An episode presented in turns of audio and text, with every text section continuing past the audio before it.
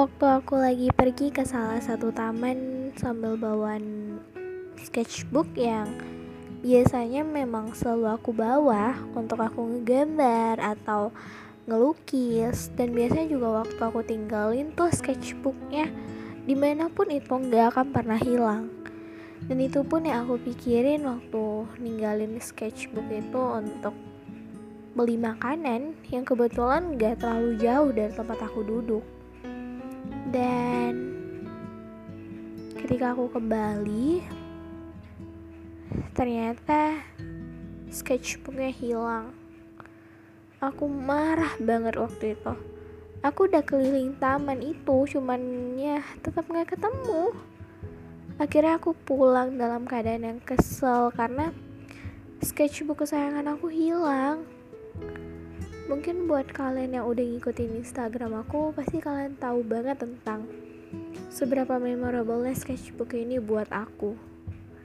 Akhirnya begitu sampai rumah aku mencoba untuk untuk terlihat baik-baik saja. Sampai akhirnya aku timbun perasaan kesal itu sampai aku sadar kalau ternyata semua perasaan negatif yang tertumpuk itu bisa jadi bom waktu yang kapan aja meledak. Dan mungkin kalian juga pernah merasakannya. Merasakan kehilangan suatu hal yang berharga yang waktu kehilangan hal itu kalian jadi marah banget. Atau ketika kalian mendengar teman kalian berbicara yang negatif tentang kalian. Atau mungkin saja Waktu kalian merasakan marah, sedih, atau kesal untuk sesuatu hal, tetapi kalian gak bisa bilang. Mungkin episode podcast kali ini cocok untuk kalian.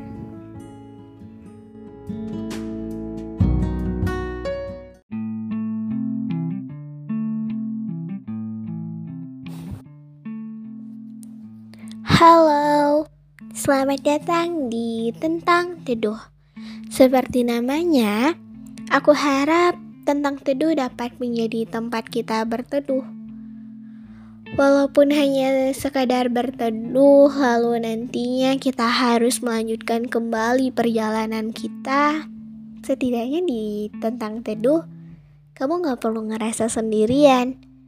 Karena aku akan selalu ada menemani sampai hujanmu berhenti lalu kamu kembali melanjutkan perjalananmu.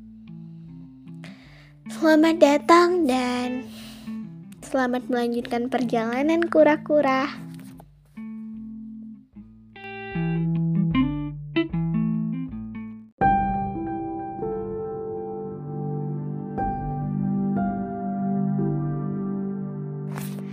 Kalian pasti udah dengar set story aku di awal episode podcast ini kan?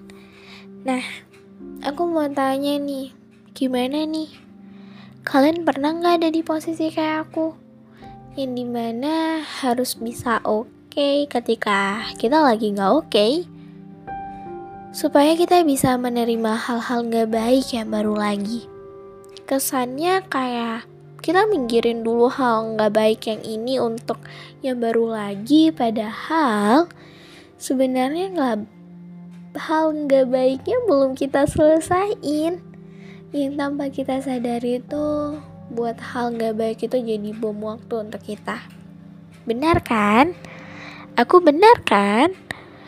Um, sebenarnya ada satu pertanyaan yang aku pengen banget tanya ini ke kura-kura semuanya. Kenapa ya perasaan atau hal-hal yang selalu kita singkirin itu tuh selalu perasaan yang negatif atau hal-hal nggak baik kayak kesel, sedih atau marah. Terus kenapa kita selalu merayakan kedatangan bahagia, tapi nggak pernah tuh melakukan hal yang sama untuk kesel, sedih, dan marah atau perasaan negatif lainnya? Mau tahu nggak jawabannya apa? Karena sedari dulu banget, kita cuma diajarkan bagaimana caranya merayakan kebahagiaan. Seperti membelikan diri kita hadiah waktu kita mendapatkan ranking satu di kelas. Atau waktu orang tua kita bawa kita makan di restoran mahal ketika kita memenangkan suatu perlombaan. Um, tapi kamu pernah nggak memikirkan diri kamu ketika kamu gagal? Hmm, misalnya gagal dalam ujian atau mungkin gagal karena realita yang ada itu nggak sesuai sama ekspektasi kamu.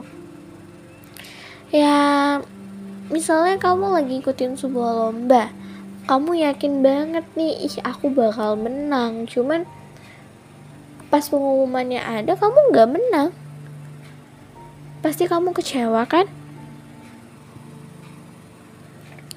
Cuman pernah nggak sih perasaan kecewa itu dirayakan?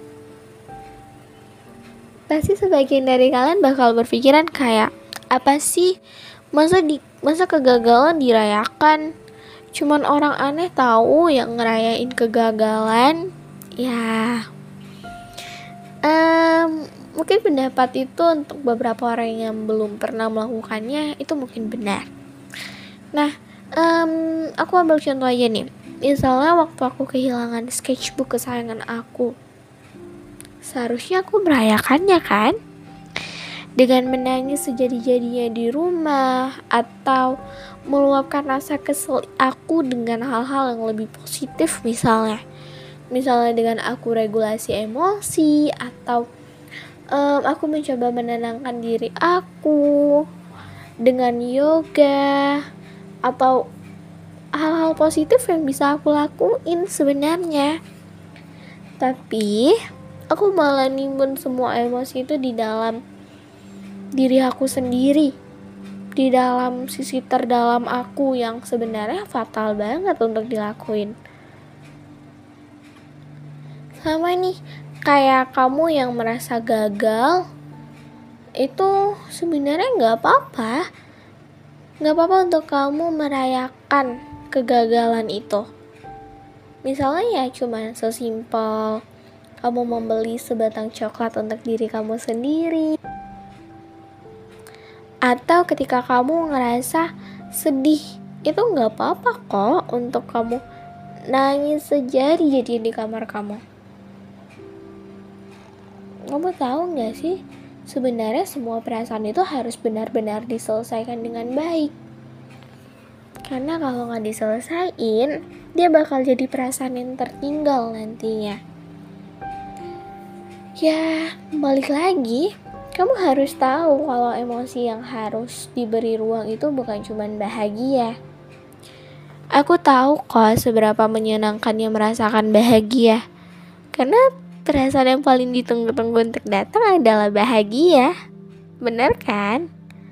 Tapi hmm, terkadang gak apa-apa kalau kamu mau ngasih ruang untuk emosi yang lain seperti kesel, sedih, marah, kecewa, dan emosi-emosi yang lain. Mereka semua normal. Kamu masih manusia waktu mereka datang ke kamu. Waktu kamu memilih untuk merasakan mereka, kamu masih manusia. Kamu juga gak bakal berubah jadi Hulk kan ketika kamu marah.